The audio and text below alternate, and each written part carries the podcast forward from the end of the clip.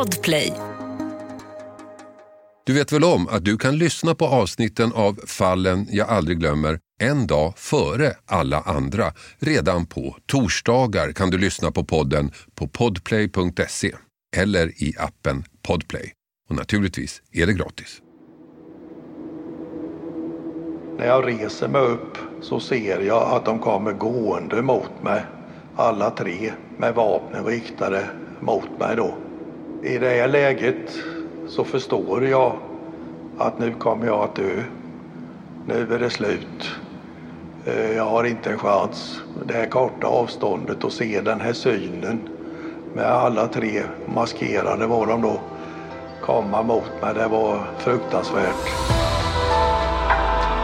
Det finns då en, en grupp som känner en aggression och ett hat mot kvinnor. Det som plågar mig idag det är ju att vi inte lyckades hitta hela kroppen. När jag såg hennes eh, skador så hade jag bildat mig en uppfattning om att det här måste vara en riktig varulv som gjort det här.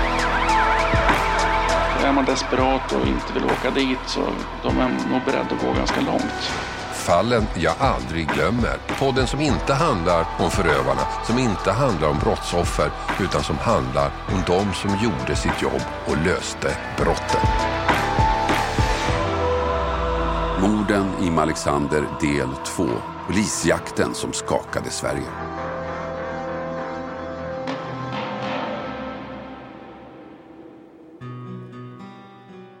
I förra avsnittet började jag berätta historien om rånet mot Östgöta Enskilda Bank den 28 maj 1999. De tre rånarna, Tony Olsson, Andreas Axelsson och Jackie Arklöv, tar sig in i banken, tvingar ner personal och kunder på golvet och väntar ut tidslåset till valvet. Efter drygt en kvart lämnar de banken med över 2 miljoner kronor i byte.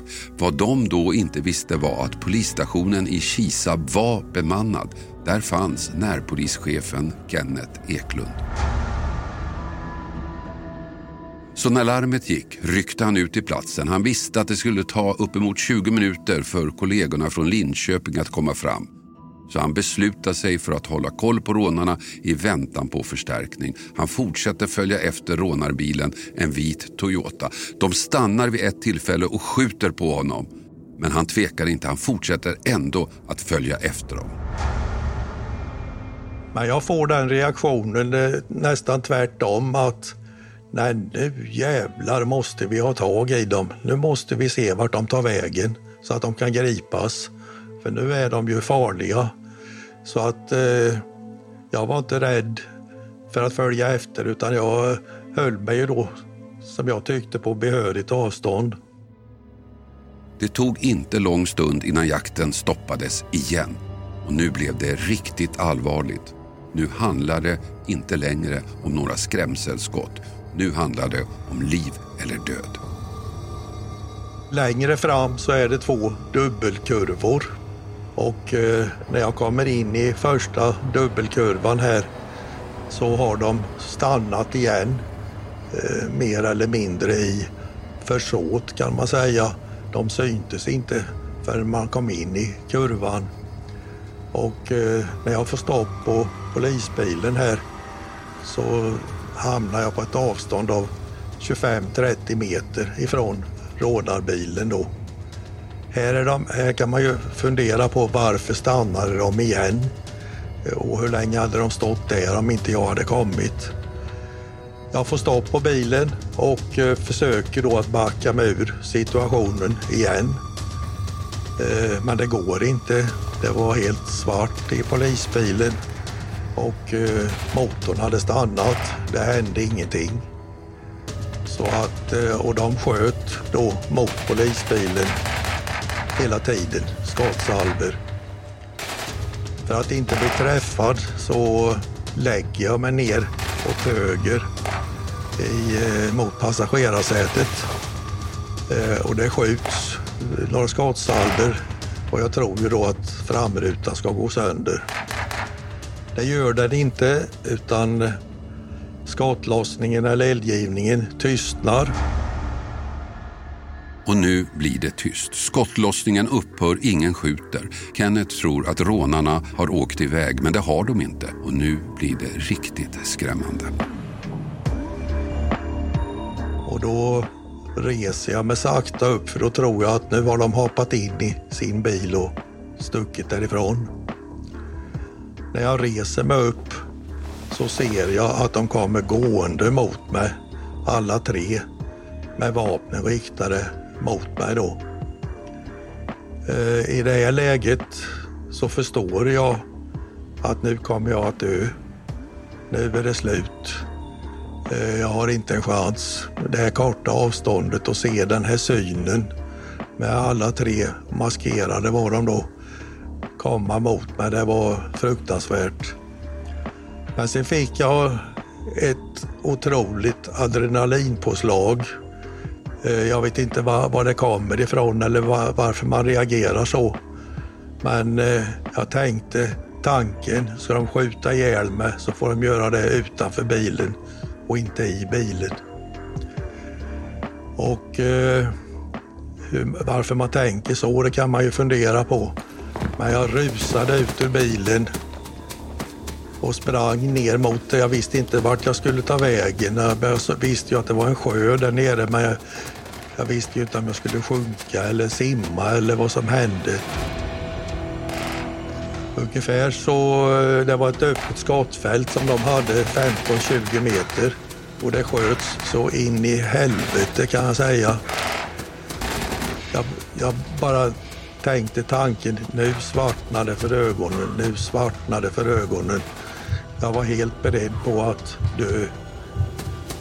Jag sprang in i vassruggen här och eh, sprang så in i helsike och jag kände, kände efter, liksom kände ingenting i kroppen.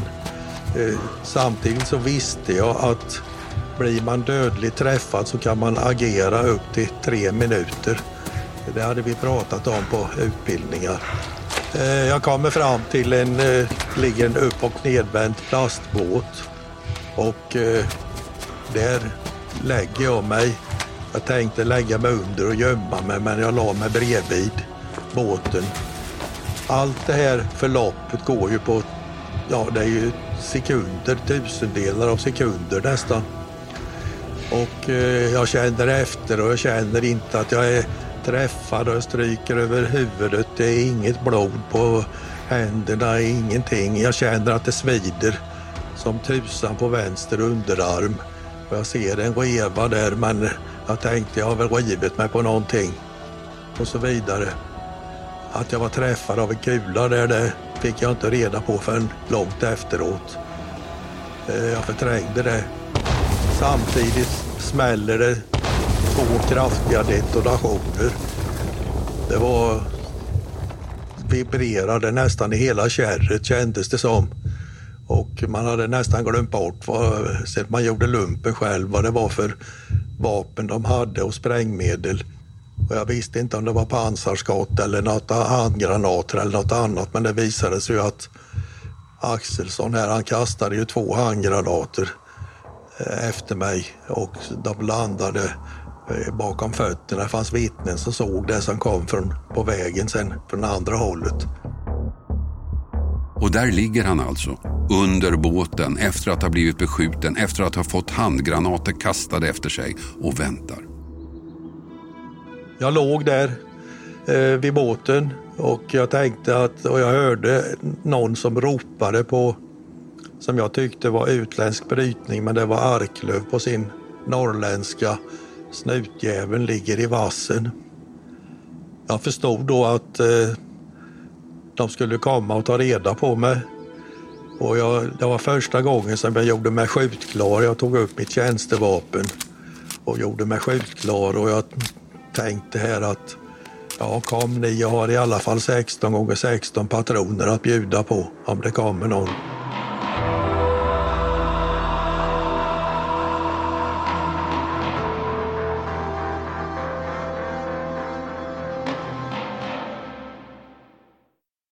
Den här veckan har vi ett betalt samarbete med Hello Fresh. Världens ledande leverantör av matkassar hem till dig. Kassar som ger dig en enklare vardag och massa matglädje på det. Nu kan du som lyssnar få extra bra pris. Med koden FRESHFALLEN kan du få upp till 1359 kronors rabatt. Jag har testat flera matkassar och det är två saker som jag tycker gör Hello Fresh extra bra. Dels förstås att jag slipper planera mat varje dag. Menyerna finns redan där. Men också för att man får precis den mängd ingredienser man behöver. Det blir inte massa saker över i skafferiet. Inget matsvinn, inga bortslösade pengar. Och sen får man ju matglädje förstås, koll på budgeten och enklare vardag. Och också möjligheten att testa nya smaker med recept från hela världen. Allt är väldigt enkelt att laga, instruktionerna är glasklara. Så vill du få en enklare vardag, minska matsvinnet och testa nya spännande smaker. Gå in då på hellofresh.se och använd koden FRESHFALLEN. Den ger dig upp till 1359 kronors rabatt på dina fem första kassar plus fri frakt på första matkassen om du inte provat HelloFresh förut. Har du varit kund tidigare kan du också använda koden om du avslutat ditt abonnemang för 12 månader sedan eller längre. Tack HelloFresh! Den här veckan har vi ett betalt samarbete med Tre, ni vet teleoperatören. Den jag själv har faktiskt och är väldigt nöjd med. Men det är många som tror att Tre inte har särskilt hög täckningsgrad, vilket är fel. Och så är det ju faktiskt med mycket vi tror oss veta, att det vi tror är sant kan vara falskt och det vi tror är falskt kan visa sig vara sant. Jag hade faktiskt ett telefonsamtal med en kompis för inte så länge sedan, via tre då förstås, och vi snackade om myter. Och jag tycker mig ha koll på sånt, vad som är sant och vad som är falskt. Men det är inte alltid så lätt. Till exempel berättade min kompis, ni vet om myten att svalor flyger lägre när det ska bli dåligt väder. Falskt sa jag, men det visade sig vara helt sant. Och så det här att man, om man duschar varmt på sommaren så blir man svalare. Det trodde jag inte heller på, men det visade sig också vara sant. Så det blev lite en aha-upplevelse för mig. Men så pratar vi om vår gemensamma operatör. Ja, de har ju väldigt bra täckning, sa han. Och där visste jag att han har rätt. Han visste att tre har byggt ut och nu har väldigt stor täckning. Men det är inte alla som vet. Och ibland är det inte riktigt som man tror. Sanningen är att tre nu täcker otroliga 99,3 procent av Sveriges befolkning och det avser rösttäckning baserat på folkbokföringsadress. Så läs mer på 3.se om hur de bygger ut sitt nät och täckning. Tack 3. Ny säsong av Robinson på TV4 Play. Hetta, storm, hunger. Det har hela tiden varit en kamp. Nu är det blod och tårar. Fan händer just det. det är detta inte okej. Okay. Robinson 2024, nu fucking kör vi. Streama söndag på TV4 Play. Ett poddtips från Podplay. I podden Något Kaiko garanterar östgötarna Brutti och jag, Davva, dig en stor dos skratt. Där följer jag pladask för köttätandet igen. Man är lite som en jävla vampyr. Man har fått lite blodsmak och då måste man ha mer. Udda spaningar, fängslande anekdoter och en och annan arg rant. Jag måste ha mitt kaffe på morgonen för annars är jag ingen trevlig människa. Då är du ingen trevlig människa, punkt. Något Kaiko, hör du på Podplay. Därför är Men det blir ingen skottlossning. Det blir tyst. Jag låg där i, i kärret och kände efter och kände inget särskilt på, i kroppen och så. Och när det hade gått ungefär ja, tio minuter, en kvart så tänkte jag att jag måste ju försöka ta mig härifrån och tala om att jag är vid liv. Så jag gick ett hundratal meter i kärret, eh, nersjunken till knäna nästan, eh, mot, i riktning mot ah, åt andra hållet. Men visste du då att de hade stuckit? Nej, det visste jag inte. Hade inte en aning utan jag eh, trodde ju fortfarande att de letade efter mig. Jag hade ju mitt vapen skjutklart framför mig och jag gick sakta ut mot vägen. Jag hörde, jag såg genom buskar och lövsly att eh, det hade stannat bilar ute på vägen. Jag hörde att folk pratade och ropade till varandra. Och när jag kommer en bit ut så möter jag en mansperson med något mörkt på magen. för mig var det ju en av rånarna naturligtvis. Så jag höjde vapnet och siktade rakt i bröstet och skrek det är polisen, jag skjuter. Eh, det hade jag inte behövt göra för jag kunde skjutit verkanseld direkt. Men som tur var så gjorde jag det. Det var inrutat i ryggmärgen. Och då fick jag till svar att nej, det är från Expressen. Då sänkte jag vapnet direkt och, och skrek tillbaka idiotjävel. Det var ju den här fotografen då som jag, ja nu långt efteråt som tog den här berömda bilden på mig får jag ju säga. Men eh, då var det ju inte så kul sen när den manglades ut på alla löpsedlar överallt. Faktiskt. När jag kom ut i vägen så hade första polispatrull kommit till platsen och eh, ambulans också så då blev jag omhändertagen och inskjutsad till Kisa. Och nu är det över för Kennets del. Men trots den fruktansvärda upplevelsen Kenneth haft är det ändå inte det värsta som händer den dagen. Det blir än mer fruktansvärt. Olof Borén, eller Olle som han kallas, och Robert Karlström jobbar båda på polisstationen i Mjölby som är en del av Motala närpolisområde, en bit bort från Kisa. De har jobbat ihop länge. Borén är 42 år gammal, pappa till två döttrar, 14 och 11 år gamla. Karlström är 30 och pappa till en dotter och en son, 5 och 4 år gamla. Den här dagen börjar Olle och Robert sitt pass klockan 15. De går in i konferensrummet och via högtalartelefonen följer de utsättningen i Motala. Naturligtvis diskuteras larmet från Kisa och rånet som då fortfarande pågår. Men Kisa ingår inte i deras polisområde så det här blir egentligen inte något som kommer att beröra dem. Det är polisen i Linköping som får sköta spaningarna och jakten. Men det de kan göra är att hålla allmän spaning. Mjölby är ju en av otaliga flyktvägar rånarna har möjlighet att välja. Fast sannolikheten att något ska hända är mycket liten. Men i brist på andra uppdrag sätter de två sig i polisbilen och åker upp mot Boxholm, stannar till vid Alexander med fronten ut mot vägen för att se bättre ifall rånarna skulle komma flyendes den här vägen och då kommer en vit bil åkandes förbi. Men vad polismännen kan se så är det en ensam förare. De skriver upp bilnumret, kontaktar kommunikationscentralen och beslutar sig för att följa efter bilen. Det tar ett tag för personalen på kommunikationscentralen att få fram ägaren till bilen men till slut ringer de upp poliserna för att berätta att bilen ägs av Statoil på Vasagatan i Stockholm. Men i samma ögonblick som Olle eller Robert svarar hör personen i kommunikationscentralen en skottsalva i telefonluren. Och sen inget mer. För det var ingen ensam förare som körde bilen. Det var Axelsson och i baksätet gömmer sig Arklöv och Olsson. Och det som händer nu är vidrigt. Det saknar motstycke i den svenska kriminalhistorien. Plötsligt öppnar någon av dem rutan i baksätet, sticker ut ett automatvapen och skjuter mot polisbilen. Skotten träffar varken Olle Borén eller Robert Karlström. De tvärstannar bilen, öppnar dörrarna och kastar sig ut på marken. Borén på den högra sidan, Karlström på den vänstra. Kulregnet från rånarna fortsätter, skottsalva efter skottsalva. Så där på marken träffas Borén i knät och handen.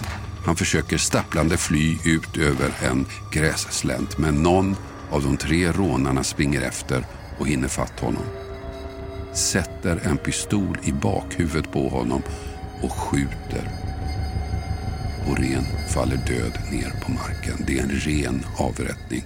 En avrättning med ett tjänstevapen. Antingen Boréns egen som han tappat eller Karlströms. För Karlström är också död. Han hade träffats i ryggen och i bakhuvudet av skotten från automatvapnet när han låg på marken och han var medvetslös. Men det räcker inte.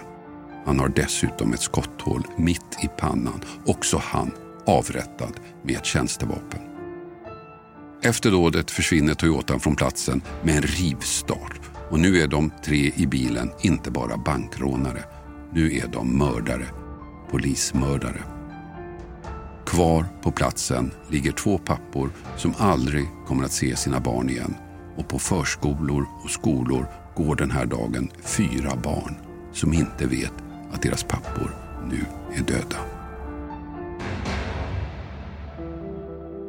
Och nu startar en av de största och mest uppmärksammade mordutredningarna i Sveriges kriminalhistoria. Och Kenneth Eklund fick, trots det han själv varit med om, frågan om han kunde delta i spaningarna. De ringde till mig och frågade hur det var med mig och så. Och då så, jag var ju fortfarande uppe i varv så att jag sa att det är, det är ingen fara med mig. Ja, eh, polishelikoptern landar om fem minuter. Kan du följa med upp för du är ju den enda som hittar där nere på småvägarna. Ja visst, det kan jag göra, så jag. Det, det går bra. Eh, sen behövde jag inte det för att eh, det var en kille från Åtvidaberg som fick följa med helikoptern. Och eh, det var ju en jädra tur för att eh, det var just helikoptern då som upptäckte det här Ima Alexander. Jag vet helikopterpiloten, han, han sa det att det var eh, det värsta han hade sett. Så att, eh, ja. Nej, han behövde inte vara med. Ett klokt beslut antagligen. Mördarjakten drog igång med full kraft. En jakt som, skulle det visa sig, snabbt kom till resultat. För redan samma kväll kunde det första gripandet göras tack vare en väldigt märklig händelse. En man i 60-årsåldern som vi kan kalla Sven hade precis tankat sin bil i Alexander och var på väg hem igen.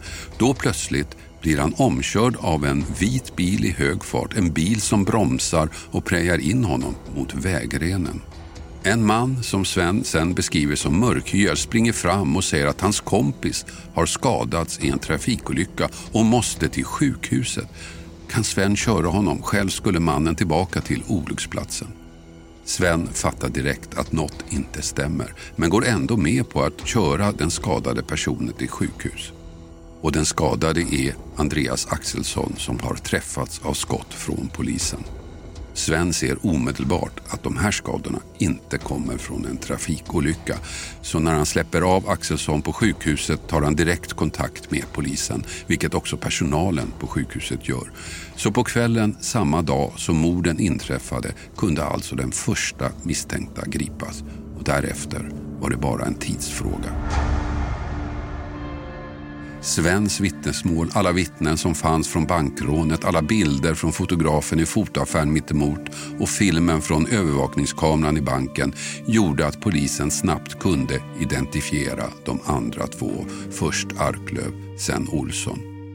Arklöv greps hemma i sin bostad i Tyresö tre dagar efter morden. Ett dramatiskt gripande där en av poliserna avlossade ett skott som träffade Arklöv i ryggen. Inga svåra skador dock.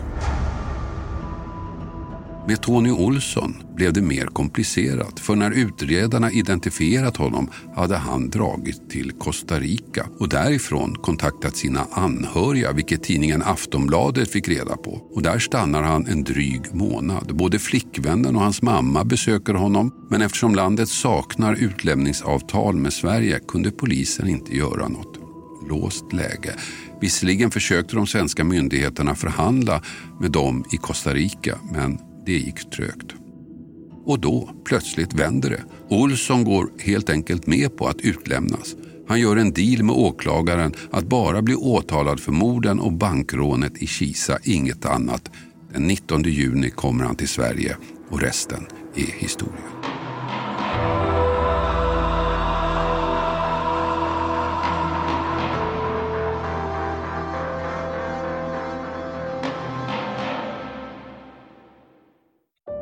Säsong av Robinson på TV4 Play.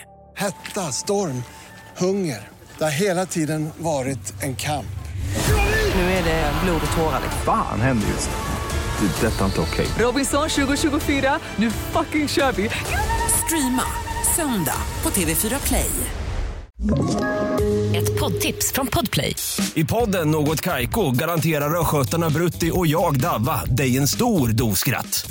Där följer jag pladask för köttätandet igen. Man är lite som en jävla vampyr. Man har fått lite blodsmak och då måste man ha mer.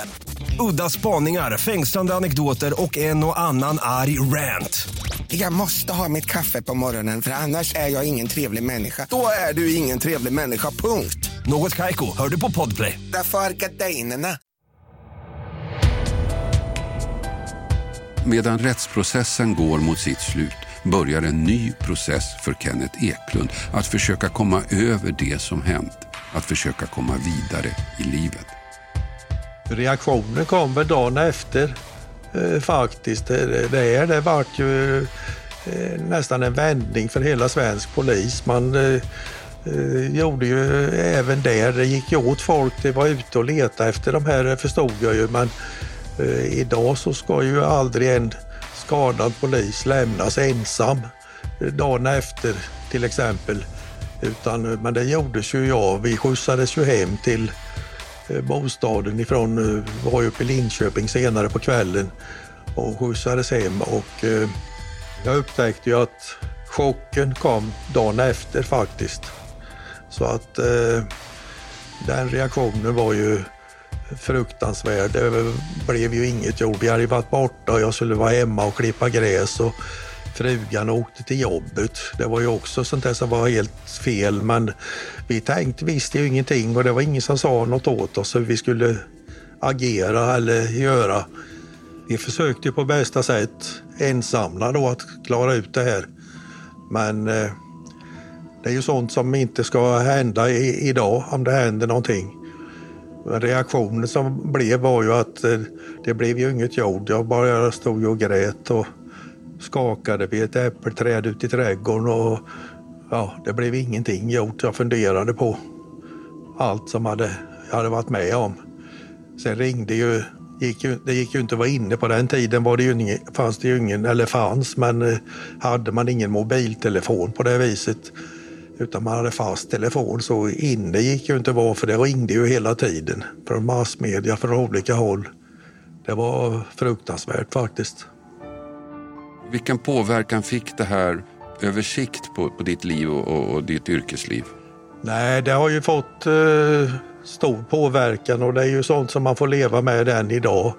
Polisledningen ville ju att jag skulle tillbaka så småningom. Jag var ju tagen ur tjänst en månad ungefär men sen eh, ville de att jag skulle tillbaka till Kisa och jag ville inte det, jag kände inte det. Jag sa det att jag åker aldrig mer tillbaka dit och så vidare.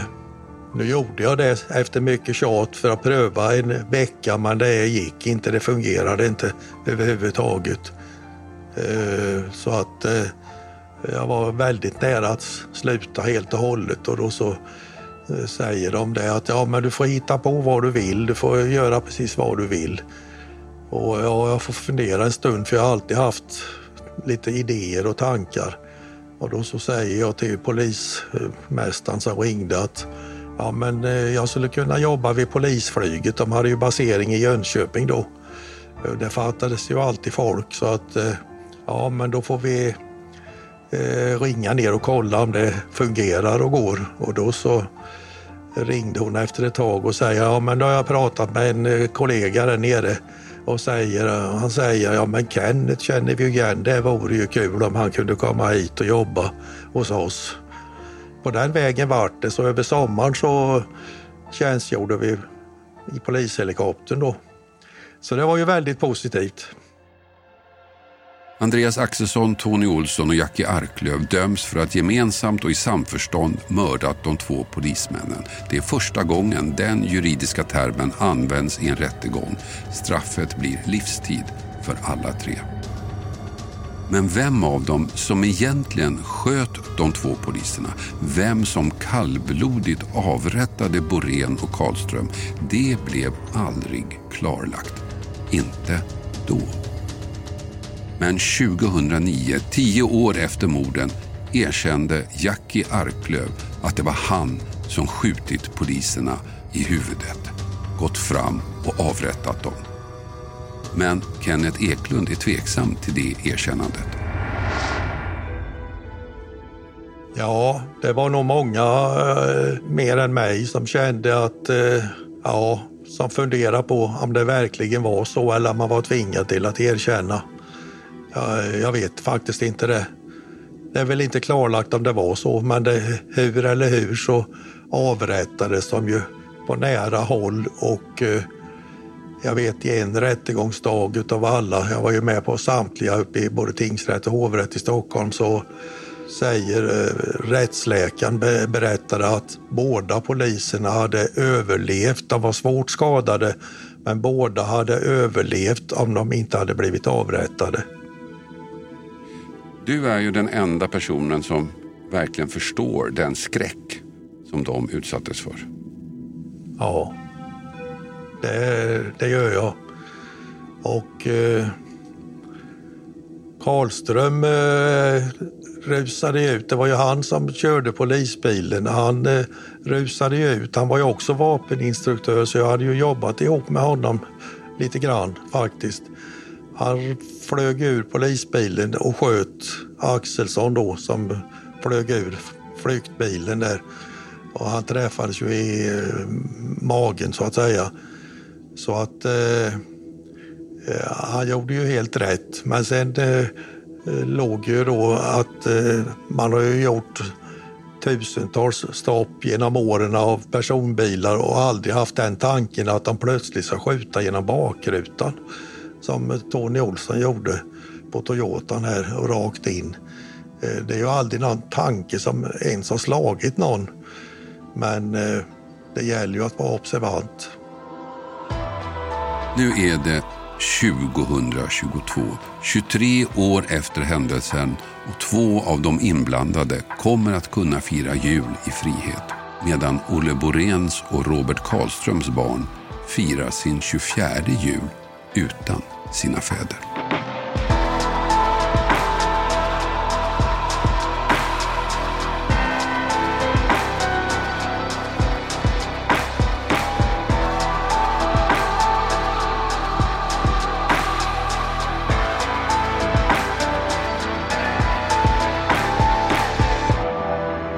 Du har hört podden Fallen jag aldrig glömmer. Klippning David Davva Persson. Och jag heter Hasse Aro. Du vet väl om att du kan lyssna på avsnitten av Fallen jag aldrig glömmer en dag före alla andra. Redan på torsdagar kan du lyssna på podden på podplay.se eller i appen Podplay. Och naturligtvis är det gratis. Podplay, en del av Power Media. Ny säsong av Robinson på TV4 Play. Hetta, storm, hunger. Det har hela tiden varit en kamp. Nu är det blod och tårar. Fan händer just nu. Det. är Detta är inte okej. Robinson 2024, nu fucking kör vi! Streama söndag på TV4 Play.